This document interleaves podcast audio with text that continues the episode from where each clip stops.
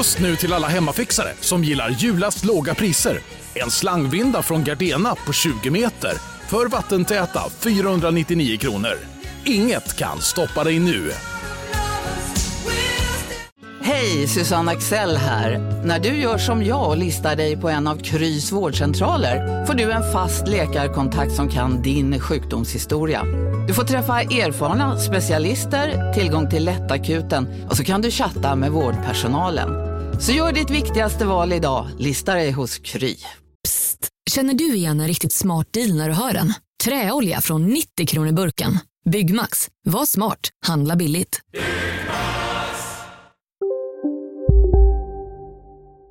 Det här är ju grymt spännande. Nej, det är det inte. Men... men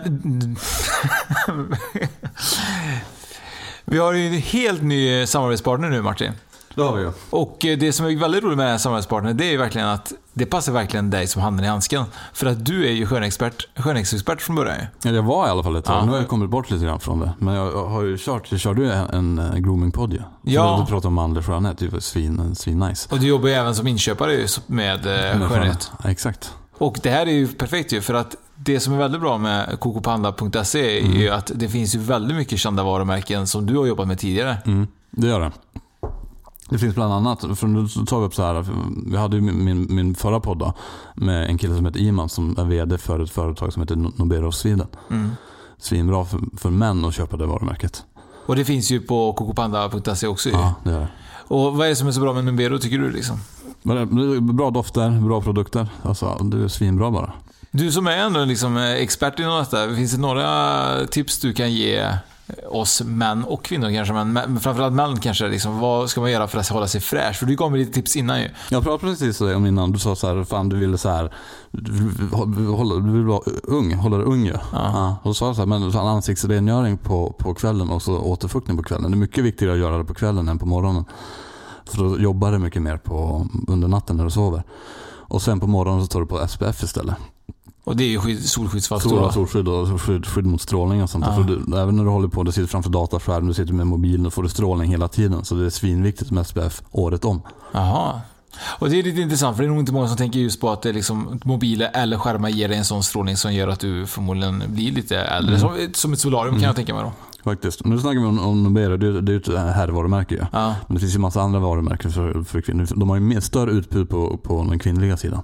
ja, och det är det som är så bra, för att de har ju kända varumärken till konkurrenskraftiga priser ju. Mm. Och gratis frakt och eh, gratis faktura. Så man, det, är ju, det är ju svinbra. Och att man även nu då, om man lyssnar ut på det här avsnittet, så får man ju även 100 kronor i rabatt ju, om man handlar över 599 kronor va? Mm. Och då anger man rabattkod 100 SPOK med stora bokstäver. Ja, så 100 SPOK, stora bokstäver. Exakt. Då får du 100 kronor rabatt vid köp över 599. Och jag har faktiskt eh, redan beställt hem eh, lite goda parfymer, så att eh, in och gör det du med. Lite bra sommarparfym. Mm, gott luktar gott i sommar. Aha, snyggt. Tack Coco Panda. Tack.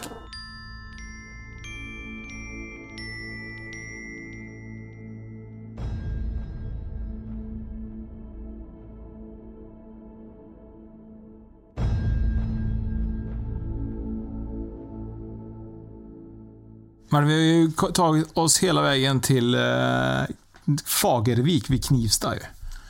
Jag träffade en kompis där ute som inte vara kompis med mig, men jag tyckte att det var en väldigt fin katt. Lilla Sven menar du? Ja. Han var ju fantastiskt vit. Ja, supervit. Vita så katter. fin, men så vit. Ja, fin, fin. Vita katter är ju helt magiska. Det är ju jätte, det är jättefint med vit päls. Det är ju Mm. nästan hypnotiserande. Ja, faktiskt. Eh, vi har ju faktiskt eh, en gäst, men innan vi kommer till gästen så har vi ju så att om två dagar så, så ska vi träffa allihopa uppe i Garpenberg. Ja. Grymt. Ja, Det är hur spännande som helst. Garpenbergs slott. Ja, det kommer vara så coolt att få träffa allihopa som har verkligen valt att komma till det här eventet. Jag lovar att alla som är där får utmana mig i biljard och jag kommer vinna över dem. Och vad händer om du förlorar i biljard nu då? Ja, det får vi ta då. Ta då. Men eh, jag kommer vinna. Det finns inget om, jag kommer vinna. Jag tycker om det skulle vara så att eh, du förlorar i, i biljard, att du ska sova i våning fyra. Helt, helt själv. Ja. Ja, det tycker jag låter som en bra utmaning. Så de som vill får utmana mig, men ni kommer få stryk så det är lugnt ju. Och eh, missa inte då att eh, vi har ju då spökjakt och vi har med oss Pierre som kommer signera böcker och Mm. Anna Strandlind som kommer eh, bland annat ha en stor seans och en Mm. eh, medial ut- utvecklingskurs ju. Och det bästa, spela biljard med mig. Ja, Ja. och äta god mat. Ja, det är med. Det är grymt. Eh, vi har ju även en annan samarbetspartner Martin nu. Vi har ju kristallrummet.se. Mm. Där man kan gå in och köpa allt möjligt och även boka tror jag lite Du kan boka kurser där. Ja. Armband finns, lite böcker. Jag har köpt en lite kristaller så nu är jag kristallklar. Du är kristallklar. Ja. Det är därför dina ögon skimrar så mycket. Du har bytt ut dina ögon mot kristall. Ja, kanon ju. Och nu kan ju lyssnarna också gå in dit och köpa och få 15% och ange Spökpodden som rabattkod. Så får de 15% på hela köpet då. Yes. Det är ju superbra ju. Man är ju nästan lite... Lite besviken på att vi inte själva fick 15% menar du? Ja, faktiskt. Det är man ju. Tack Kristallrummet. Tack. Eh, man kan ju även eh, se till att boka våra, våra medium, som inte är våra är det inte, men vi har ju ett egen bokningssystem just en mediumportal på spökpodden.se Martin. Det har man. Och där kan man in och boka medium. Och det finns bland annat Anna Ödegard som var med i avsnitt tre. Mm, och det är ju lite grann som går i hand i hand med det här avsnittet vi kommer att spela in idag ju. Det gör det ja. Hon Eh. gör också lite så här... Mm, Regressionsresor och Regression sånt. och medium och vä- vägledning och lite annat. Så kan man gå in och boka henne.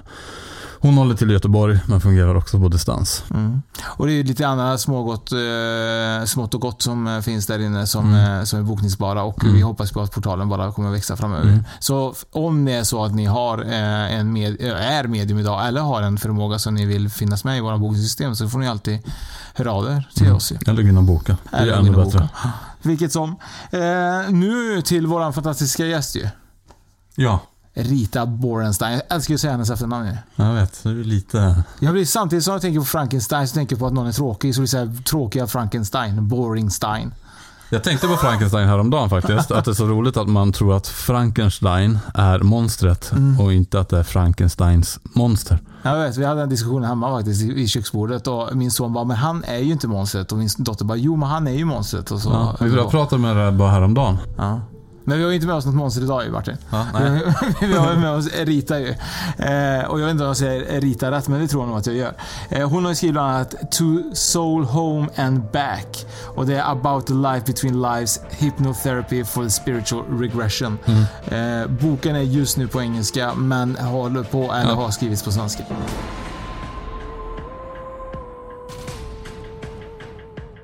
Och det, är ju lite intressant lite att du har skrivit boken på engelska fast du pratar ju svenska.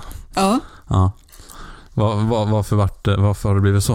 eh, det, det, från början var det nog det att jag ville att mina kollegor inom det här eh, institutet som heter Newton, Michael Newton Institute, som jag är en av 200 medlemmar, det är den enda i Sverige nu sedan 2012, att mina kollegor skulle kunna läsa min bok, för jag tror inte att någon skulle vilja läsa den överhuvudtaget. Men det visade sig att jag har sålt mycket böcker och att många har läst den på engelska och sen finns det efterfrågan på svenska och då översatte jag den till svenska och den är nu på gång att publiceras ganska snart. Så um, det är egentligen mm, det var egentligen anledningen. Men det är inte ditt hemspråk på något sätt, engelska? Du, Eh, du från jag, grunden jag har bott i USA när jag, Ja. var, när, jag var, när jag var yngre, men jag är från Finland från början. Okej. Ja, så så att det, det, det är lite oförklarligt, Mm. men det hade en logisk anledning för att, eh, som jag berättade. Mm. Så vissa saker bara blir så. Hur blev det bara så här egentligen? Hur kom du i kontakt med, eller hur kom du i kontakt med dig själv? Hur Ja, kom du i kontakt ja. med den här, eh, att det här var det du skulle göra? Precis, det var, eh, jag ska försöka göra, göra det så kort som det bara går. Det var så att jag hade kommit till en punkt när jag hade jobbat med som osteopat, sjuksköterska, akupunktör i 20 års tid och jag kände att jag längtade efter någonting mer så att säga. Så um, jag tittade lite i min bokhylla så jag har väldigt mycket mm, olika typer av inspirationsböcker och då hittade jag Michael Newtons bok Själarnas resa eller Journey of Souls där och kände att jag ska göra en sån här session för att det, det kanske jag får vägledning då vidare. Han berättar där om just den här metoden som jag nu jobbar med själv då. Och eh, jag försökte ta reda på vad man kunde göra en sån session men det fanns ingen i Sverige. Och bara någon i Danmark men vem vill göra en session på danska om man eller ja, inget jag älskar Danmark men det så, så då visade det sig att det var en ledig plats på en utbildning efter någon månad bara. Så jag kom in på en reservplats på en utbildning till livet mellan livet, eh, regressions eller, ja, terapeut så att Mm. säga. Och, då, ja, och jag blev helt supersåld. Och jag kanske, det kanske kommer fram under samtalet varför jag blev så såld. Men hur lång var en sån utbildning och vart gick du den Eh, det, någonstans? alltså, det är en veckas utbildning i England och eh, man måste vara utbildad hypnoterapeut för att få följa, komma med. Mm. Och sen eh, behöver man också ha jobbat med tidigare livregressioner det. Mm. i minst två år. Och, så att jag, jag kvalade för den eh, utbildningen och de ville gärna ha någon i Sverige också så, som de inte hade haft någon i Sverige. Så mm, det var egentligen Ja, man kan säga finns det slump? Ja. eh, så efter det, alltså där under utbildningen så gjorde jag ju en sån här livet mellan livet regression som kanske kommer berätta om mera här under intervjun. Och eh, då hittade jag mitt livs syfte. Alltså mitt livs syfte som är att hjälpa själar att få kontakt med sig själva och sitt livs livsuppdrag kan man säga, eller sin livsuppgift. Som kanske ni gör den här podden, det är en grej så att säga. Det hade varit min om det, om det var vår livsuppgift. Ja, men livsuppgifter låter, alltså livsuppgift låter ju... Jättebra. Livsuppgift låter väldigt stort, eh, men livsuppgift är faktiskt, eh, som jag har förstått i alla fall, att man gör det man älskar. Det är inget krångligare än så. Och alla har en livsuppgift. Ja, mer eller mindre kanske man kan säga, men, men många tror att det är något väldigt, väldigt stort eller någonting, eh, bestiga Kilimanjaro eller någonting. Men någon kan, för någon kan det vara att vara en mamma. Eller, så för mig var det att... Alla, Många vill ju också, kan jag tänka mig, ha sådana storslagna planer som Ja, erövra världen, jo, bli superframgångsrik och så vidare. Ja, men alla som söker upp mig har ofta hittat mig på Michael Newton eh, instituts hemsida där jag finns listad bland dem i Sverige. Då. Mm. Och sen har de ofta läst då Michael Newtons böcker eller någon har läst min bok också. Var han själva skaparen av det här eller vad, vad är han? Det är han som- är skaparen av själva metoden. Just det. eh, Och det, det Finns någon, han idag eller när, när, när levde han? han, le, han, eh, han dog 2006, så han var väldigt aktiv i att forma det här institutet som, Mm. som jag nu också är väldigt aktiv inom. Mm. Men eh, han var en sån här typisk eldsjäl som eh, jobbar som hypnoterapeut och psykoterapeut i Kalifornien på 70-talet. Okej. Och sen av en slump kan man säga så var en av hans klienter eh, hamnade i ett tillstånd som man kallar för livet mellan livet. Och Mm. livet mellan livet det är mellan inkarnationer, alltså mellan mellan att jag är Rita och kanske någon annan om jag tror på inkarnation. Det. Så det är ett sånt tillstånd som jag, det är som ett nära döden-tillstånd. Kan man säga. Men hur, jag tycker att det bara låter så intressant för då är det ju liksom ett glapp där man inte riktigt till, alltså. Vad man gör- kan säga att ett glapp eller ett inte ett glapp för att jag kan komma tillbaka på varför jag jobbar med just det här som jag gör. För att jag hade gjort tidigare livregressioner. Jag vet att ni har spelat in en podd och ni känner andra som gör tidigare livregressioner. För mig var det viktigt att för min egen del, för jag hade gjort jättemånga tidigare livregressioner och som mm, kunde minnas det spontant i, i drömmar och, och Ja, du själv alltså? Ja, mina Ja. tidigare liv så att, som jag upplevde det som, att, som det i alla fall. Det var i alla fall inte som mig själv utan som Någon en annan annan. karaktär. Och då tänkte jag, var är jag när jag inte är i kropp? Ja, för det är det också. För jag tycker att det känns superintressant. Ja. Vad är man när och man det är det inte... som hela den här hypnosen Ja. går ut på. Vem är jag? Vart är man Eh, någonstans nej, så att därför, nej, men Det är det som hela hypnosen går ut på. Att jag tar med min klient till, till ett tidigare liv som den själv kommer Mm. in i. Sen går vi till dödsögonblicket i det livet. Får man inte ångest då? Eh, nej, det är det, som är det, eh, det är det som är Michael Newtons metod. Att det är därför som man går en sån otroligt gedigen utbildning för att ta med sin klient på ett tryggt sätt så att man bara känner det, jag har ju upplevt det själv många gånger, att man, man lämnar kroppen ungefär som folk beskriver när de har en nära döden upplevelse. För det kanske ni har träffat sådana som. Ja. Det här är precis samma sak, bara det att det är som en konstruerad session för det. det. Och därför är de här sessionerna väldigt, väldigt långa. Det kan, det kan vara fyra, fem timmar i hypnos. Vilket gör att Michael Newton, den här grundaren, upptäckte att då kan man minnas själsliga minnen när man går i så djup Mm. hypnos. Så Jag tänker lite grann hur du hinner ha en sektion som är 5-6 timmar lång. Liksom. De är inte alltid blir så långa, men det här är min livsgrej nu. Så jag gör inget annat än, alltså, den dagen, jag kan bara ha en klient per dag. Och jag kan inte jobba varenda dag heller för det är så pass krävande. Så klienten kommer klockan ett, vi har innan det gjort ganska långa förberedelser på mail, vi har haft långa samtal, så det är ganska mycket jobb med varje klient.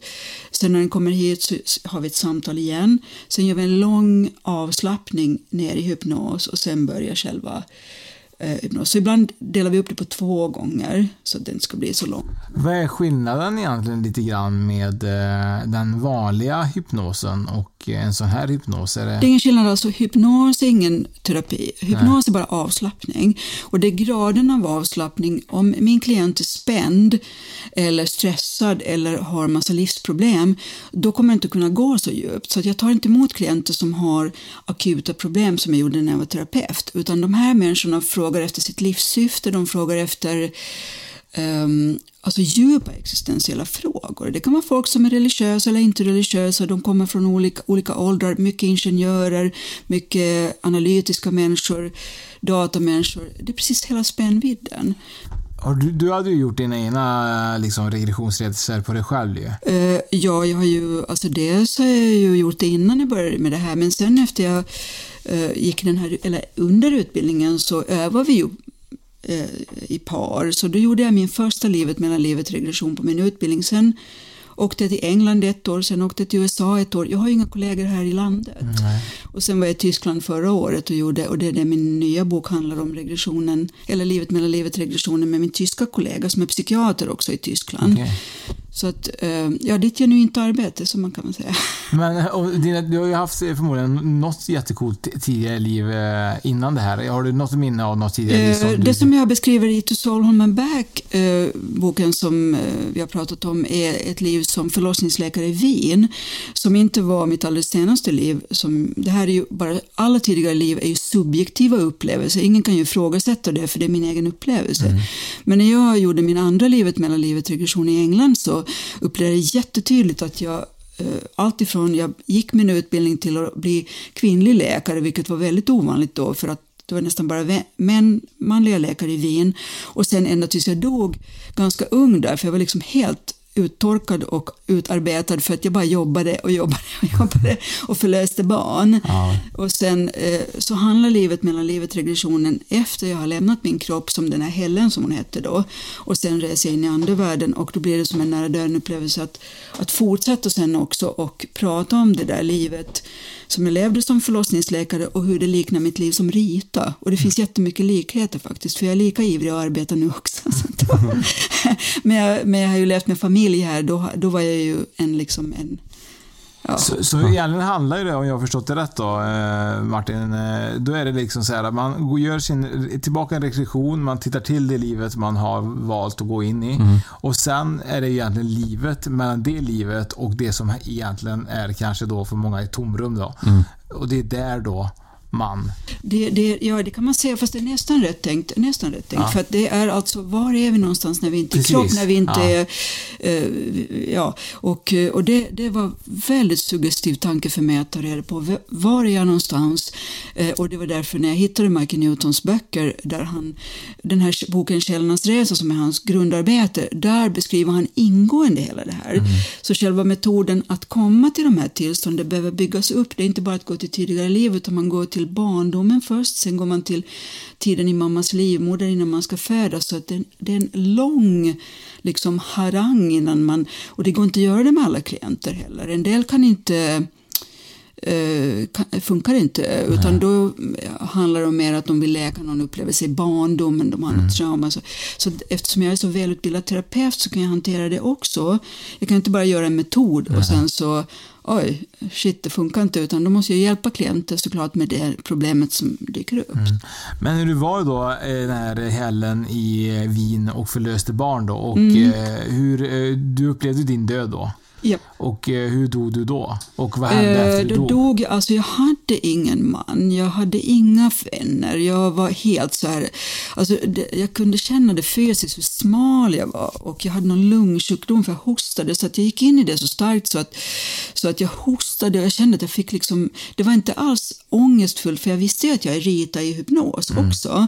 Eh, men sen var det bara som att jag snikade ur, alltså jag gick ur genom gässan som många beskriver som haft nära döden så de går, och sen så går de in alltid i en slags tunnelupplevelse eller att man bara man, man vill bara hem. Det är jätteskönt att lämna en sån kropp. Som, det är som en förbrukad klänning som jag, hade ing, jag, jag dog på det sjukhuset där jag jobbade också, så det var ju, och min enda vän som var en läkare som faktiskt var min har varit min partner i det här, eh, mitt liv nu.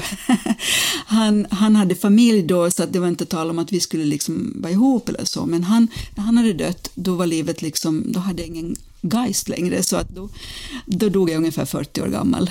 Oj, du var så ung. Ja, men just det, jag var helt utarbetad. Men sen har jag haft, sen har jag, minns jag andra liv också, men eh, mm, efter i, i koncentrationsläger som litet barn. Men det har jag inte så mycket detaljer kring. Men det, det var ganska skönt också att lämna, för det var inte så kul. Men du, du är ju judinna ju. Ja. Och du har ju varit i koncentrationsläger i ditt tidigare liv. Eh, ja, Vad tror du är anledningen att du har eh, igen blivit eh, liksom född i en Det är judisk just kropp? den eh, idé jag utvecklar i den här boken eh, To Solholm and Back faktiskt. För att mina båda, alltså den som To Solholm and Back och den nya jag ska ge ut om livet mellan livet regression eh, är också självbiografiska. Eh, men jag tror att det finns en anledning för att i det där Wienlivet var jag också judinna, för jag var dotter till en väldigt förmögen man som jag upplevde för att kvinnor fick inte studera annars på, det var mellan, alltså sekelskiftet 18 1800-1900.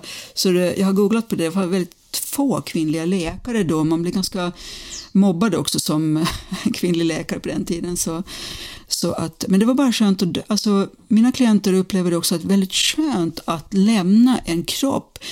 Eh, Det är som ett plagg, man bara lämnar det och sen får man resa hem. Så att livet mellan liven är inte bara mellan det liv man minns, utan det är där man är när man inte... Och dessutom för att komplicera det ytterligare, kanske överväldiga det med information, men eh, Michael Newtons teori baserat på 7000 klienter som han gjorde sin forskning var att när vi sitter här, vi tre, så är vi i andevärlden också. Vi är inte här i kropp eh, helt och hållet, utan vi har, och det är kanske därför vissa känner att de längtar hem jämt. Ja, men så att vi hans- tre sitter också i andevärlden. Eller att vi sitter och sitter, jag vet inte, men alltså att vi, vi, hans teorier baseras på vad klienter berättar. För jag kan ju bara utgå från vad mina klienter berättar när de är i djuphypnos, men han baserar ju sin forskning på 7000 fall, vilket han beskriver i Källornas resa och Källornas öde, så det är väldigt gedigen forskning som det här baserar på. Det är Just ingen det. slump bara. Nej. Eh, Men att han var väldigt, väldigt ehm, så här analytisk och så typisk forskare, så han systematiserade ju och sådär. Så att, så att mitt arbete baserar sig på hans arbete och sen hela vårt institut som är 200 medlemmar, vi har gjort kanske ungefär 40 000 livet mellan livet regressioner Tillsammans. sen vi, tillsammans sen vi, så det finns väldigt mycket, vi har en forskningsavdelning som har samlar all information. Så Om han gjorde 7000 då var han ju väldigt aktiv. Superaktiv. Hans fru hjälpte honom, men, men han, han tog 20 år på sig innan han lanserade de här ganska revolutionerande fynden som han hade hittat. Och då blev han jättekänd på opera show och, och sådär. Så att han var väldigt känd på sin tid och var mycket på TV. Så, men han drog sig tillbaka 2006 när han började bli, ja, han Inte orkade med. Ja, inte orkade med. Eh, Men han var aktiv ända till sin död 2016 i vårt institut. Så en otroligt intressant människa som man kan googla på om man vill. Michael Michael, Newton. Dr. Michael Newton. Ja, du pratade ju med Rita när vi var på Terry Evans-grejen och hon började snacka om Michael Newton. Jag tänkte bara att det var han som hade kommit på gravitationen först. Newton. Just det. Men man kan säga så här att det blir ju lätt ganska förvirrat för det är ju väldigt, alltså jag är så högt specialiserad på det här så det är lätt hänt att jag kan ge lite för mycket information. Men jag brukar säga det till mina klienter, jag ger dem inte så mycket information i telefon utan man får komma själv och uppleva det. Sen kan jag ju försöka beskriva det så gott det går men, men det är ju som med allt i livet, man måste uppleva det själv. Men hur känner de efter de har varit en sån här? Är det många som, som verkligen känner en lättnad? Eller Ja men gud ja. Många är, många är alltså, alltså de ser 20 år yngre. Många hade just en klient igår. Hon var extremt så här bekymrad och så, så här. Och sen fick hon reda på så väldigt mycket saker om kopplingen mellan sig och sin familj och själsliga samband och sådär. Så hon var så jäkla lättnad som bara åkte därifrån sådär. Så det, man skulle tro att det är djupt och så här sorgesamt men det är tvärtom. Det är väldigt... blir upp, uppiggande. Ja, någon kan ju bli lite så här konfys, men herregud. Men jag spelar in allt samman så de får ju lyssna på det sen. Så att det, Det är ju sjukt spännande. Jag vet inte om jag hade klarat av att sitta still i fem timmar. Det är det som är problematiken. Men, man, man, men, jo, men nog i Ja. hypnos hade du. Ja. För man, man blir så, det är som att börja läsa en spännande... Eh, de flesta ligger ju. Ja. Jag brukar säga det som man, börjar, man ser en bra film. Om det är en tråkig film, då vill man inte se. Men om det är en bra film, det rullar på liksom. Och då, Och det är en film om sig själv. Ja. Så det är klart Film vill. om sig själv. Då hur man lång tid kolla. tar det innan filmen kommer igång då? Den kommer igång med en gång för att nu har jag gjort så mycket sessioner. Jag var ju tränad redan innan jag började med det här. Så att jag är ju specialist på att hjälpa folk att liksom snap into it så att säga. För att jag fungerar ju som en förstärkare också. Så att jag vill ju att alla ska, vi ska mjölka ut så mycket som möjligt. Men kan du hypnotisera folk på typ så här fem minuter liksom eller? Jag ägnar mig inte åt det. Jag har lärt mig det på ut, men varför skulle man göra det? Ja, men men, men du, du, du kan om du hade velat. Det ingår, men, men det, är alltså, det här är ju en, en, en, en, en, för ett syfte. Mm. Jag, bryr, jag bryr mig inte om att göra det för en kul grej eller något. För Martin vet ju inte att du hypnotiserar honom precis för en egen bild ju. Så att eh, minsta lilla Ja. telefon som ringer så börjar han ju skälla som en hund. Eh, Nej, men det kan det vara. Men det, men det där är sånt där kämt som många har. Men, men, men jag tänker, varför skulle man... Men många blir väldigt sömniga när de är med mig. Jag ser liksom, jag börjar klippa med ögonen. Och det är för att de eh, blir, kommer in i sig själva. Jag har en sån känslig... Jag råkar veta att jag har en sån känslig närvaro, att folk kommer i kontakt. Så att någon kan eh, eh, ja, bli sömnig av det. De reagerar så. Ett bra sömnpiller helt enkelt. Ja, så att jag kan prata folk till sömns om jag vill. ja, ja, just det. Nej, men det är mycket humor i Eh, det. Det är ju det som är så spännande egentligen att finns det någon, finns det någon eh, själ som du har snubblat på som du blev shit det här var ju verkligen en själ som var någonting jättekänt och stort. Uh, alltså menar du speciellt? Alltså, En själ, ja, någonting som du har varit med om liksom. Eh, absolut, alltså det, det varje, alltså jag skulle säga att i stort sett gång, det är aldrig tråkigt. Det, det, det är intressant, men alltså det är ju att man, Michael Newton kategoriserar själar i utvecklingsgrad, alltså nybörjarsjälar, mellanutvecklade och gamla själar, alltså väldigt utvecklade själar. Och Eh, de riktigt utvecklade själarna kanske inte kommer på sån session, man vet inte, men jag har haft några som jag känner, får så här rysningar när de kommer in genom dörren, eller man, jag vill bara buga. ofta är de i er ålder eller yngre, inte alltid, men man kan se i blicken att det här, jäklar, det här är något speciellt och, och då kan de komma för att de är till exempel hade jag en eh, karl som kom för att han var väldigt uttråkad, för han var så lätt för allting. Allt var lätt. Han, eh, ja, han kände sig blasé på något sätt. Han ville ta reda på varför han är här. Helt enkelt. Pratar själen eh, till dig då? Kan du prata med, Eh, han, alltså, nej, men han själen, pratar ju, alltså själen pratar genom personen, det är ju så det funkar. Så Mm. att själen, men ofta när, när vi kommer till den fasen att person, att jag tar med klienten så pass djupt ner i barndomen att de är i sin mammas livmoder när de ska födas som är foster helt enkelt. Det är helt ofattbart. För för mig innan jag upplevde det själv så är det helt Men alltså när jag är i det tillståndet att jag är liksom i foster så jag har ju upplevt att jag var i min mammas livmoder. Då frågade eh, min eh, hypnotisör mig eh, när kom du in som själ i det här nya fostret? Alltså när började, för många undrar ju att abort, eh, så här, men det är ju inte alltid det att, att själen har ännu gått ner i, i, i fostret så att säga, men det är, det är en stor etisk fråga. Men eh, då hör jag oftast att, att klientens röstläge skiftar när de börjar prata ur sitt tillstånd i mammas livmoder, för då kan jag fråga dem i stil med känner du dig entusiastisk att födas? Då säger en del så alltså, ja, jag är jätteivrig. Jag kan inte liksom, knappt vänta på att jag ska födas, men någon säger så, åh, inte riktigt. Men då brukar jag påminna dem att du är ju född, du ligger här på bänken. Så att, och då tar vi reda på varför deras barndom var så svår, eller varför det har varit så jobbigt eller varför de är sjuka. En del kommer till mig för att de vill ta reda på varför de har haft mycket sjukdomar och olyckor också. Så att, ehm, ja. Men tror du att själarna, vi, vi är här och placerade om och om igen för att lära oss någonting mellan våra liv liksom? Så. Allt, allt tyder på det. Allt tyder på det. Jag hör till de själar som har sagt i hypnos, jag vet inte om det är så, men så har jag sagt att jag är en sån här väldigt ivrig inkarnerare. Alltså jag vill samla så mycket erfarenhet som jag bara kan. För att det, säger, det är ju en teori bara, men det sägs ju att, man, att, att det är svårt att vara människa. Det är ju många som säger, och speciellt nu när det är så här global, global, globala utmaningar så är det väldigt många människor som är rädda och oroliga och de hör av sig till mig för de vill ta reda på just varför de är här och om de kan hjälpa till. Så frågar de ofta. Eh, Så att eh, det här är väl mitt sätt att hjälpa till, jag vet inte. Säkert. Men jag, har, jag, har, jag minns jättemånga liv jag haft. Och jag fattar inte varför jag orkar komma igen och igen. Men när jag får sitta med er två så är det Hej, Synoptik här. Visste du att solens UV-strålar kan vara skadliga och åldra dina ögon i förtid? Kom in till oss så hjälper vi dig att hitta rätt solglasögon som skyddar dina ögon.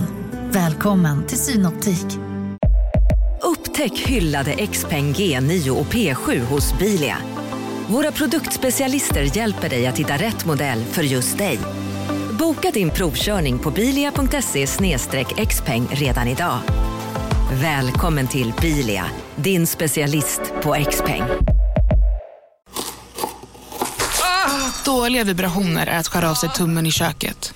Ja! Bra vibrationer är att du har en tumme till och kan scrolla vidare. Alla abonnemang för 20 kronor i månaden i fyra månader. Vimla! Mobiloperatören med bra vibrationer. Supertrevligt och då är, då är det värt. Och sen har jag ju fått barn i det här livet och levt som lycklig fru och... Ja. Hörde du nu att hon jämförde oss, ett möte med oss var ungefär lika härligt som att få egna barn? Ja, jag vet. Det, det, det är inte... så- det är- Men, Vi kan ropa ut hennes son som är på plats här och säga det liksom. Det här är lika stort för henne. Det var det enda jag hörde. Det var det enda. Ja. men, det, men det är bra att det kommer fram där, för att som vi sa i början så tror många att, att lycka är något väldigt stort, men det säger ju buddhisterna till exempel, att lycka kan ju vara att, att vi sitter här och gör det här.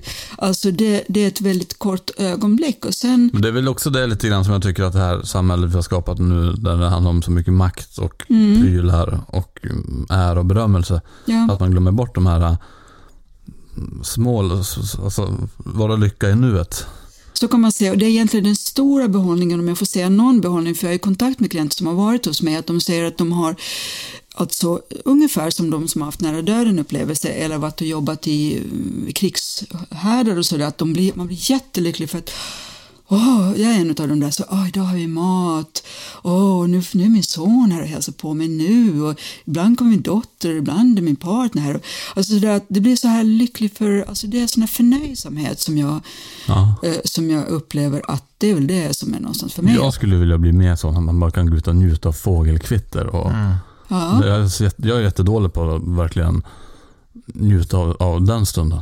Så kan ju vara, men jag menar skulle du ha varit med om någonting läskigt eller, eller man nästan blir överkörd av en buss eller någonting, då går man ju ett, säkert till ett lyckorus i alla Ja. fall. Jag vet när jag åkte fritt fall på Gröna Lund, efter det så kände jag väldigt intensiv livs... jag hade så nära, jag är jätterädd för höjden, man bara... För det, för det, är, också- det är intressant, för man säger nära döden upplevelse, men det finns också de som har upplevt nära döden upplevelse Ja. och börjar säga nära livet upplevelse. Det är man- visst sant, det är klokt sagt, men jag har haft mycket klienter som har haft nära döden upplevelser. Till exempel hade jag alldeles i början när jag började med de här livet mellan livet regressionerna, en pilot som flyger sådana stora, jag kan inte säga det, säger man Boeing eller? Boeing, ja. säger alltid Boeing, men i alla fall. Och, och, och han hade haft en nära döden upplevelse när han var sju och var, tog- de tog blindtarm, men då hängde han liksom och tittade ner på sig själv, han hängde i taket. Och, och det var en sån lyckokänsla så att han läste om Michael Newtons arbete och då hittade han mig i Sverige för att kolla att är, kan, kan jag göra en sån grej igen? Liksom? Och det gjorde han faktiskt. Och han, var, han fick reda på att han är extremt skicklig pilot, det visste han redan innan, men han, han är väldigt bra på att tala ut liksom, till alla passagerare så de blir lugna. Han kom på att det var hans grej, som hans liksom, livsgrej. Så här, va? Lugn- så att, lugna man kan tycka, vadå, det låter ju konstigt, men det var hans, Fast ändå inte, för då hjälper han ju supermånga människor Ja. varje flygresa. precis. Så det är väl ändå en ganska fin livsgrej. Ja, det är ju jättefint. Eller någon annan som kanske är konsertpianist och kommer på att gud när jag spelar så går det, åt he- går det ut healing till alla de som lyssnar och wow, så här. Ja, Mm. det är små grejer. Du hade ju eh, en, en grej, det är ju lite så att du jobbat lite grann med, eller med Terry Evans också ju. Eh, ja, jag, jag var där eh, på någon helg och, och ja, både han och jag såg varandra direkt sådär så man kan se en människa. och då sa han bara sådär, du ska göra klart din bok, och hem och gör klart din bok. Det var den där, då hade jag hållit på i fem år. Visste han då att du Nej, nej, han kände ju det. Han Ja. är ju, han är ju sån. Så Ja, att, han och sen- kände- kände det av Han kände liksom. det, Ja, så han ja. läste väl av mig och sen så började vi prata och sen blev vi jätte härlig, jättehärlig vänskap. Kjells, Kjells, han hör till en av mina Kjells-fränder. Sen eh, gjorde jag en Livet mellan livet-regression som jag inte kan berätta om för han har sagt att jag får göra det. Och, och min nya bok handlar ju om ha- hans session bland annat. Så, så det är ju häftigt att någon som är så klärvoajant som han är också kunde göra en sån här session med mig. Det trodde jag faktiskt inte var möjligt, men han gick all in i det och upplevde jättespännande liv och har skrivit flera blogginlägg om det också. Så att, ehm, det kan vara Märkte spännvidd. du typ såhär plötsligt då, shit vad egentligen vad Terry Evans egentligen inte hade ett intressant liv innan han kom in Eh, liksom. nej, men han har ju, men jag menar, oberoende förmågor så är man ju en person. Och det, Michael Newton kallar det för värdkropp. Alltså, det är ni två, vi tre värdkroppar här. Men våra själar har ju upplevt mer, tror jag i alla fall, än äh, vad vi har upplevt det här livet. Så att, så att ehm, det får man inte tro som man vill om. Men, men för Terry, han har ju andra förmågor än vad jag har. Han, han kan ju se hedangångna själar, vilket jag är nästan glad att jag inte kan se. ja. Jag har en fråga. Har du, du säger, han, han, Michael Newton kategoriserade ju upp nya, mellan och gamla Ja. själar. Kan man då träffa någon som aldrig varit nere på jorden? Eh, Tråkig sektion ju. Eh, ja, men, nu, men då skulle det vara, alltså faktum är, alltså man, man tror att det är skämt, men, men det är faktiskt inte, det är faktiskt allvar. alltså det kan finnas någon som är väldigt ung, jag kallar det för väldigt ung själ. Det är ungefär som man tänker en liten unge som kommer och frågar så pappa, får jag bilnyckeln? Nej, du får inte det, du når inte ner till pedalerna ännu. Eh, Då, då, och när jag gör en session med en sån, jag känner på mig direkt, de, det är ju inte att de är underutvecklade på något sätt, men de lär sig inte av, de gör samma misstag om och om igen och så blir de frustrerade. Men en gammal själ kanske lär sig av eh, eh, och ja, växa så att säga som människa. Så att man kan se, man kan också se blicken tycker jag på Uh, unga själar är ofta, eh, eh, vad ska man kalla det för, de vill gärna veta men sen när de får veta, veta så gör de inget med det. Utan de, Precis som barn gör. Ja, alltså bara ramlar och sen upp och sen. Men, men jag gör sessioner med alla, men jag har, en, eh, jag har ett kriterium, man får ju inte ha psykisk eh, instabilitet så att säga, att man har varit psykotisk eller att man använder narkotika eller, alltså jag har en timmes intervju med alla på telefon innan jag överhuvudtaget vill jobba med dem, för att de måste ju ha material, jag kan inte bara ta in vem som helst här. Så, eh, så det. Men det är intressant det där med själens utveckling faktiskt. Men det är ännu djupare och svårare fråga då. Ja, ställ. Vad kommer, alltså vad tror du själen, vad, vad tror du själen, alltså själen är ju någonstans emellan det här livet. Vad kommer själen från början tror du för att, alltså, eh, Det är, det är ju jätteintressant. alltså, jag är jättetriggad av sådana frågor, alltså, för, alltså på ett positivt sätt, för att Michael Newton försökte ju gå så långt bakom, bakom, för att mina klienter kan komma till någon som de kallar för de visas råd, som är de här stora elefanterna, så att säga, väldigt, väldigt visa själar. Jag har gjort det en gång och det beskriver jag i min bok, där jag i djup hypnos liksom träffade väldigt visa själar och där kan jag fråga då klientens frågor, men jag kan fråga en sån där fråga också.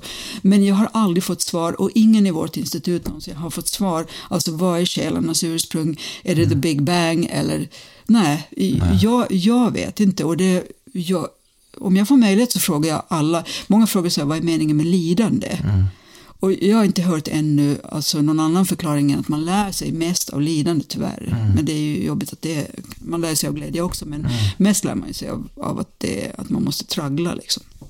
tror du att alla, eh, eh, för vi har ju haft lite medium och så vidare som säger att de tror att man får välja sitt liv innan man kommer ner på Precis, jorden. det är samma teori här. Du tror att man väljer den Vi tar innan? med klienten, alltså innan vi avslutar sessionen så tar jag med, alltså Michael Newton kallar det för Ring of Destiny eller ödesringen. Mm. Där man kan fråga, jag kan fråga mitt, min klient till exempel, fick du andra eh, alternativ eh, än eh, ja, en, en Rita, så att säga. Då kan man svara exempel, nej, jag, fick bara, jag, jag fick bara det här Rita-livet för det var det bästa livet för mig att lära mig det och det. Så jag försöker ta reda på vilket tema ni frågade här om att jag, om jag har inkarnerat som judinna flera gånger eller som jude eller som läkare. Eller, Alltså jag har inkarnerat som healer väldigt många gånger. Men, men det där att, att alla mina klienter vill ta reda på sin själsliga utveckling, eh, varför de inkarnerar, varför de inkarnerar nu. Ja, vad ska man göra med det kan man ju undra. Jo, jag frågar ju frågor, vad ska du göra med det nu? Och för att någon är frustrerad, de, nu har det varit efter corona här, eller under det ju fortfarande pågår, så har de frågat så här, jag är lärare, eller jag är healer, eller jag är läkare, jag känner att det finns något mer för mig, vad är det? Okej, då kan de ju gå till någon psykolog och prata så här, men de vill ta reda på från sin egen själ, alltså straight from the horse's mouth som man säger på engelska. Och då är det ju ingen annan, alltså man kan ju gå till ett medium, men det här är ju att man själv talar utifrån sig själv och jag är inte någon terapeut utan jag bara frågar Mm. och så får jag svar. Det är jävligt coolt. Vi har ju lite eh, lyssnare ibland som, eh, vi har ju haft det här med, vi har ju tagit upp det här ibland med medium som säger att eh, man väljer sitt liv innan man kommer ner och man kan ju få ibland Det kommentarer. kan bli lite känsligt Lite också. känsligt när folk säger, kan ju ha kanske att man har en kronisk sjukdom eller just och, så, det. och så blir det så här, men jag skulle aldrig valt det här liksom. Det är, det är känsligt med den mänskliga logiken, men ur själens perspektiv är det, är det för mig ganska naturligt därför att eh, det är inte skyldig själv varför valde du att sköta ett liv, så är det ju inte, utan det är att själen behövde uppleva någonting.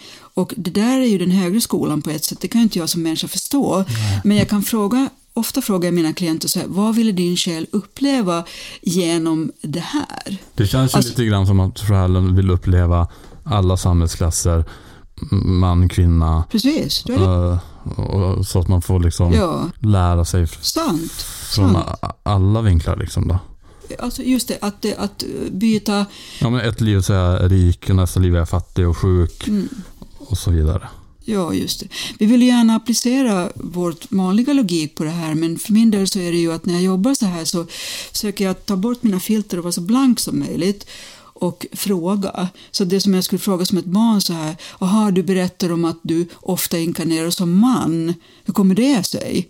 Då säger den kanske, ja men som man har man si och så möjligheter i de här samhällena som jag har bott. Som kvinna har jag de, de. Eller att man, ja, det, det är liksom på en högre nivå man väljer de här olika. Eller att man väljer en själsgrupp där man ibland är mamma, ibland är barn, ibland är man, ibland är fru, ibland är fiende, ibland är offer, ibland kontraster. Men vad, vad tror du, alltså, tror du att, eh, för, att döden är förutbestämd också? För jag tänker lite grann så här att eh, kan det vara så, det, det kan ju vara så att barn går ju bort i väldigt tidigt eh, stadie innan Ja. de hinner ens bli någonting, eller barn och så vidare. Ja. Eh, vad, är det en mening med det tror du? Eller är det, den mänskliga faktorn som kommer in där tror du? Det, jag försöker alltid att inte ha några allmänna åsikter utan antingen så pratar jag om min egen erfarenhet eller eh, bara vad mina klienter har sagt. Men det här är en egen upplevelse av i hypnos att jag var min mammas första barn eh, som sen dog. Hon fick en pojke men han dog vid födseln och sen kom min bror och sen kom jag. Och det upplevde jag i hypnos att jag var det fostret som valde att lämna direkt jag kom ut. Varför? Jo, min mamma var så ung så hon, var inte hon var inte, kunde inte ta hand om eh, egentligen. Eh, jag kom som pojke då. Men sen så väntade jag så sa jag till hypnotisören att jag väntar, jag släpper igenom en, släpper igenom en emellan så min brorsa fick komma först, min storebror. och sen kom jag liksom. Och då, var det, och då var det faktiskt perfekta omständigheter för mig som, som flicka och kvinna, för då var min mamma väldigt liksom, så att, så att då Kunde jag, då kunde jag uppleva själens val att nej, det, och då kan man ju undra varför, för sker det något fel kan man ju undra. Men jag upptäckte att det var inte timing. Du skulle fråga. Tänkte, pratade du med din mamma om det här? Har, du- har du pratat med din mamma har, alltså hon är 88 så hon är lite dement va. Men, Ja. men, men jag vet ju omständigheter kring min brors död. Att, han, att hon födde honom och han var dödfödd när han... Och så var det också när jag... Så jag hade ju en del fakta naturligtvis. Men jag, det var så stark känsla att jag... Men just det där, kunde hon känna connection som du då nyfödd med barnet Jag, jag som... vet, inte, hon är inte så spirituell min mamma men hon älskade mig från första stund. Hon har lite svårare att bonda med min bror. Det har hon gjort nu men hon, hon, hon har talat om för mig att, hon, att, att, att jag var väldigt sådär. Eh, Så det kan ju finnas en, man vet inte vad förklaringen är. Men, För jag har tre barn och jag kan ju känna att, mm, att jag har viss olika starka känslor kring, jag älskar alla tre barnen, men jag Ja. olika starka känslor kring de olika barnen. ja. Och jag känner ju starkare för vissa och det har jag ju känt från dag ett liksom. Just det, jag har bland annat ett, um, alltså just det här livet i koncentrationsläget minns jag att det var, jag vill inte säga vilket av mina barn, men som den själen som höll mig innan jag dog där. Och att min längtan att komma igen som Rita var att möta den själen igen. Alltså det är ju bara mina subjektiva känslor, jag kan ju inte förklara det. Så då Men- känner men du ett lite starkare också- band till... På, på ett ja. sätt, på ett sätt, men jag älskar dem båda precis som du gör, men det är ändå Ja, att man känner någonting extra liksom. För det är, en, det är ett stort ämne till som vi får se om ni är intresserade av, men det är att Michael Newton har, har skrivit mycket och jag jobbar mycket med människors alltså släktband och sådär, alltså eh, konflikter och sånt, alltså, eller att man hatar någon och man undrar varför, fast den inte har gjort någonting. Och då hade Michael Newton den här teorin om att man inkarnerar om och igen, om och igen med samma grupp. Och man övar ungefär på samma tema men man det. skiftar bara roller. Och det tror jag många medier säger också att det är på det viset. Och det är jätteintressant tycker jag. För Jo. det kan ta bort udden från dramat ibland. Jag tycker att det är det som är så intressant med, eh, med sådana här ämnen. Det är att det är ju fortfarande så mycket som är oförklarligt. Även om vi har turen att det finns människor som jobbar med det. ju. Även fast man sitter med experter så Ja. finns det Mm, frågetecken. ja, just Så finns det. det alltid frågetecken och, och ni jobbar ju egentligen på att hitta liksom eh, grunden och varför och, Ja. och det här är ju superintressant och det är det här som är så kul med vårt jobb Martin. Att Mm. vi får ju ta del och få träffa de här människorna som gör det här. Superspännande. Ja, för jag hade ju verkligen eh, någonstans hade jag velat prata med min egna själ.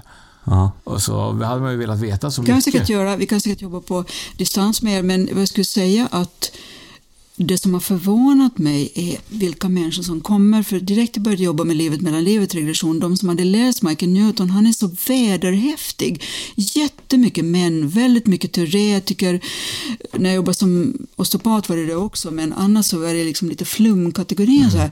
Men de här är otroligt alltså superakademiker och de har, eh, jag har jobbat med en astrofysiker, en kvinna häromdagen från Mexiko som hamnade här i Sverige och hon ville ta reda på verkligen om det finns någonting eh, efter, efter döden för hennes mamma dog. Före det så var hon ateist så att hon trodde inte på något men hon har börjat känna att hon ville ta reda på. Så att, så att vi gjorde en lång session med henne och hon fick reda på jättemycket kopplingar mellan henne och hennes mamma.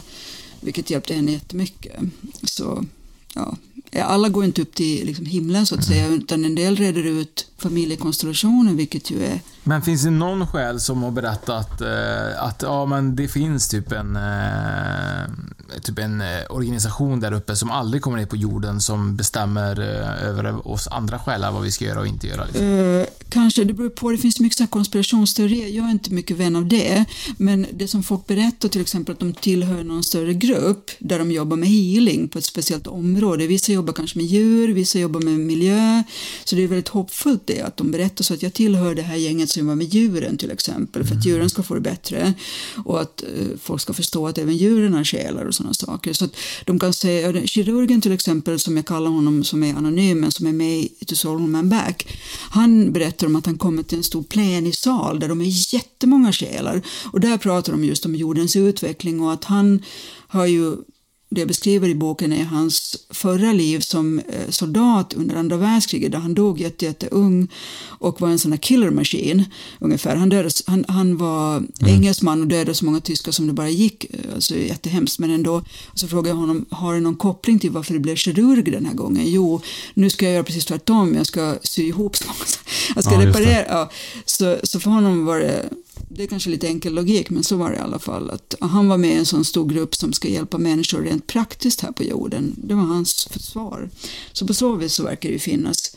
Men sen om det finns från andra galaxer och sådana saker, det, en del pratar om det, men, men det kanske gå Men, det- men det brukar vara så i alla fall att själen som kommer till jorden kommer alltid till jorden. Kanske, det är inte så att Nej. du aldrig träffar oss som kommer, ja men jag kommer från planeten X335 Eh, nej, liksom. det, är, det, är, det är här ju många olika avdelningar så vi får ha några timmar till då. Men det, Michael Newton kallar dem för hybridsjälar, de här som inkarnerar mest på andra ställen. Men då kanske de är här på planeten ibland.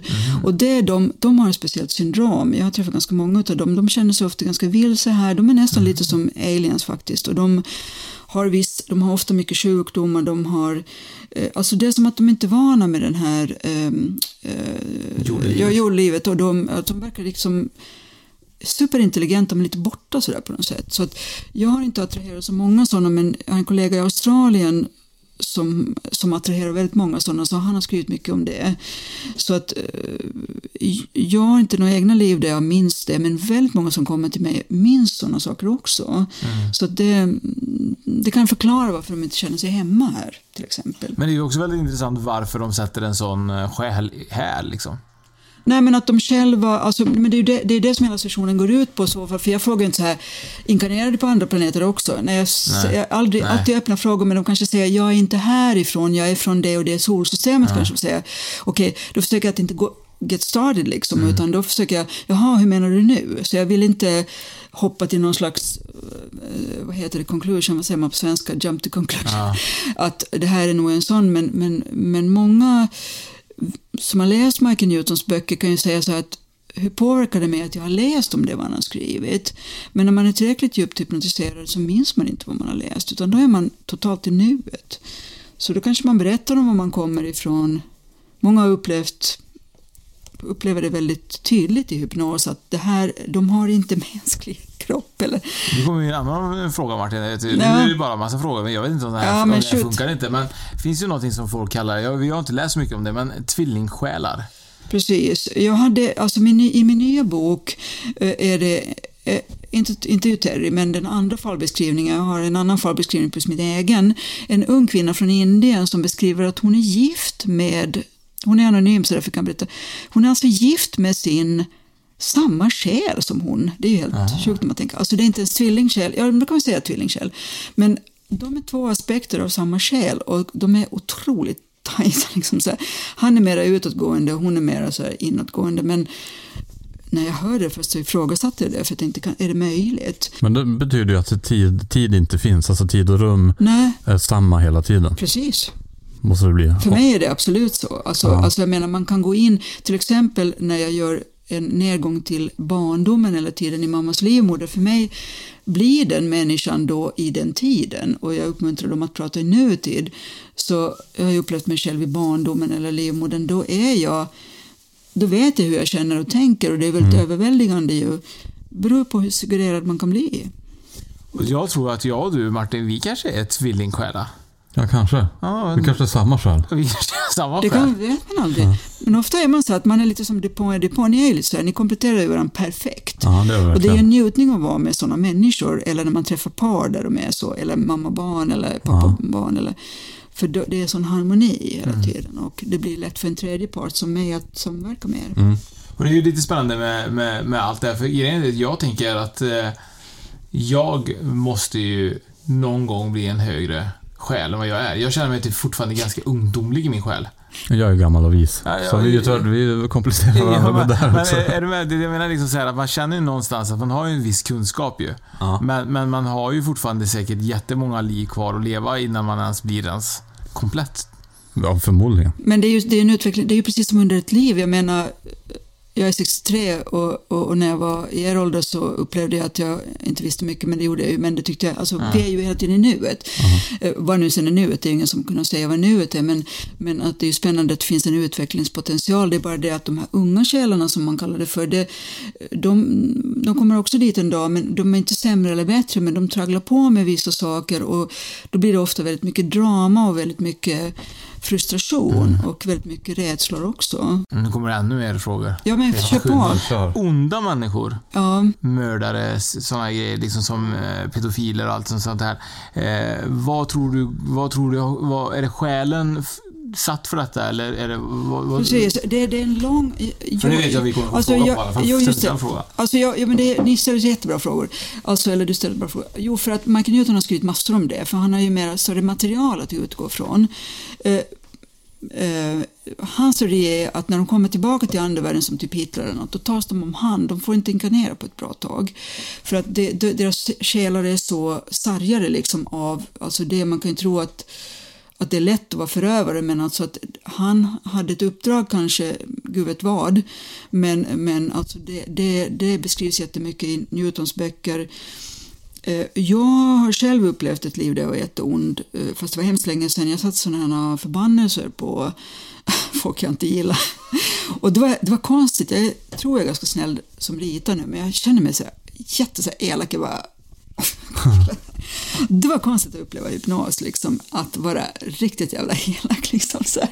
Ursäkta att jag svär, men, men så, att, så att jag tror att man ska inte, för, det är det som man ser mycket globalt, att man fördömer saker och ting, men, men jag tror inte att man ska, man ska inte kasta den första stenen, utan man har själv, det är det som reinkarnationstanken gör med, att jag kan inte sitta och säga att, att jag bara är god, för det vet man inte. Så, så därför tror jag gamla själar mera, mera har överseende med andra människor för att man förstår att alla ska lära sig. Mm. Tyvärr på andras bekostnad. Men, du, men du tror att det finns en anledning till att, eh, att man ska vara... Jag tror inget särskilt. Jag är skeptiker Nej. av ja. naturen, så jag bara, om jag hör någonting så tror jag inte på det, utan jag måste uppleva det själv. Mm. Men, men jag vet ju inte ändå om det är någon sanning. Nej. Men när jag upplever det så känns det väldigt sant. Jag känner ju det sant att jag sitter här med er nu. Mm. Men det vet jag plötsligt. Eller kanske jag har, eh, jag har en god vän som kan materialisera sig här. Det är en riktigt kul kille som är ingenjör egentligen, men han... han Kan materialisera sig här han just kan, nu. alltså han, jag ser inte han, nej inte, inte just nu, men alltså en kväll när jag skulle lägga mig, så han är jättenära vän. Ja. Och en, en kväll så kände jag, jag brukar inte känna här för det är ju inget, men så kände jag att fasken, han är här nu. Men jag ser inte, jag är inte seende, men så, kände, så frågade jag honom, jag tyckte det var lite pinsamt fråga, för han, han sysslar med fjärrskådning och sådana saker, så jag frågade för frågat var du möjligtvis hälsade på mig igår klockan tio? Ja, jag har varit där flera gånger. så han, kan, han, kan, han har tränat på att, att, att men han, gör, han är väldigt vänlig så att det är inte att han inte... Men le, han lever alltså? eller? Ja, ja, ja. Han är, ja, det är en levande människa, en fullt Det fullfjädrad... det jag. Jo, jag har sagt till honom att jag kommer att tipsa, Ja. för han är superintressant eh, människa på alla sätt och vis. Så att, men jag måste fråga honom först. Men, Ja. men han är jätte, jättespännande och, eh, och han sysslar med fjärrskådning och eh, så det är ganska angränsande det jag gör. Men han är ju, han är ju mer ingenjörs, typ, så vi brukar skoja att vi är väldigt lika på insidan men olika på utsidan. Men när han materialiserar, så då ser han det som finns här inne? Eh, Liksom. ja, han kollar runt. Liksom, han är här och kollar runt. Tycker inte du att det är lite läskigt då? Det är sådär? Eh, inte just när det, jag skulle inte, göra, jag skulle inte acceptera det om det inte var just han. För att Nej. han är, han är världens godaste. Ja. Han, är, han är väldigt nära själ. Så att, Det är som Det är inget tele, man- teleport ja. Ja, det, det är ju teleport, ja, teleportera sig. ja, han, han kan teleportera sig. Ja, ja, han kan göra allt möjligt. Men, men för mig är inte det något märkvärdigt utan det är ju bara det att...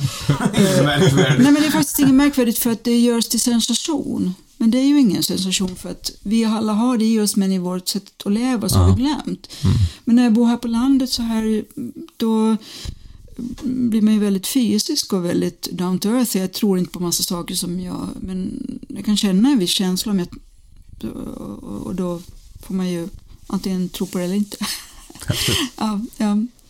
Det har ju varit superspännande. Jag tror vi skulle kunna sitta hela kvällen och prata med Rita Borenstein här faktiskt. Jag blir förtrollad faktiskt. Ja, man blir verkligen ja, det. jag har mycket- hypnotiserat det lite grann tror jag. Ja, men grejen det finns så mycket. Ja, du har ju verkligen lyckats med hypnos. Alltså. Ja. Det finns så mycket frågor och det finns så mycket som man skulle vilja få reda på innan man s- Och jag släpper håller föredrag och jag ska hålla två föredrag till här i sommar om jag får passa på att göra lite reklam. Så jag hållit mycket föredrag hos Terry Evans och Mm. jag håller föredrag ute i landet. Så att om det är bara en grupp på tio, nu är det ju lite corona ett tag till, men om folk bjuder in mig så åker jag och berättar och då, ja, jag tycker det är kul att berätta. Vart ska du finnas? Du, ska du hålla några nu som du vet om? Eh, nu ska jag hålla här hemma för Ja. att jag är inte rest så mycket nu under den här perioden. Men när jag började 2012 och 13 och 14 åkte jag runt i landet som en kring, kring eh, som, eh, och då fick jag inbjudningar från alla möjliga håll och kanter. Så då var jag lite på hugget och gjorde det. Men sen har jag tagit det lite lugnt då.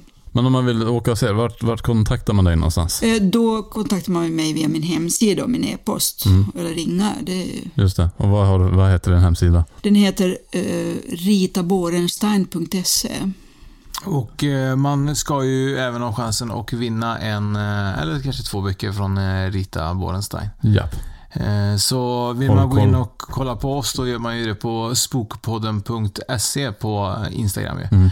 Eh, Vi vet ju att det är faktiskt väldigt många lyssnare som inte är inne på vår Instagram. Så det är ju bra att gå in där, för då kan man vinna böcker och se lite behind the scenes. Lite behind the scenes ja. Ja. Och eh, man får inte glömma heller våra YouTube-kanal. Nej, Spökpodden. Spökpodden, för där händer det också lite roligt. Vi har ju faktiskt en jävligt eh, cool serie med Pierre Hasselbrandt och Anna Sanning till hösten som man får gärna in och klicka och pre- prenumerera så man inte glömmer av det. Precis. Som vi får hjälp av killarna från UAE som filmar. Ja, precis. Och eh, om två dagar Martin, Garpenberg och Mm. eh, hälsa alla välkomna till eh, vårt första New Kind of Weekend. Precis. Jag ska vinna biljard. Tack Rita. Tack, Tack. själv, det var jättekul att prata med er.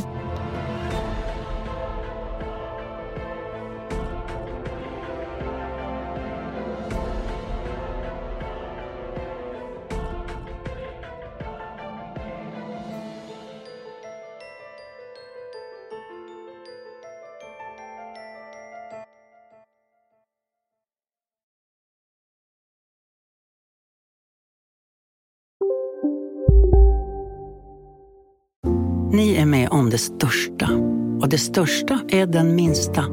Ni minns de första ögonblicken. Och den där blicken gör er starkare. Så starka att ni är ömtåliga. Men hittar trygghet i Sveriges populäraste barnförsäkring. Trygg Hansa. Trygghet för livet. Ja? Hallå? Pizzeria Grandiosa? Ä Jag vill ha en Grandiosa capriciosa och en pepperoni.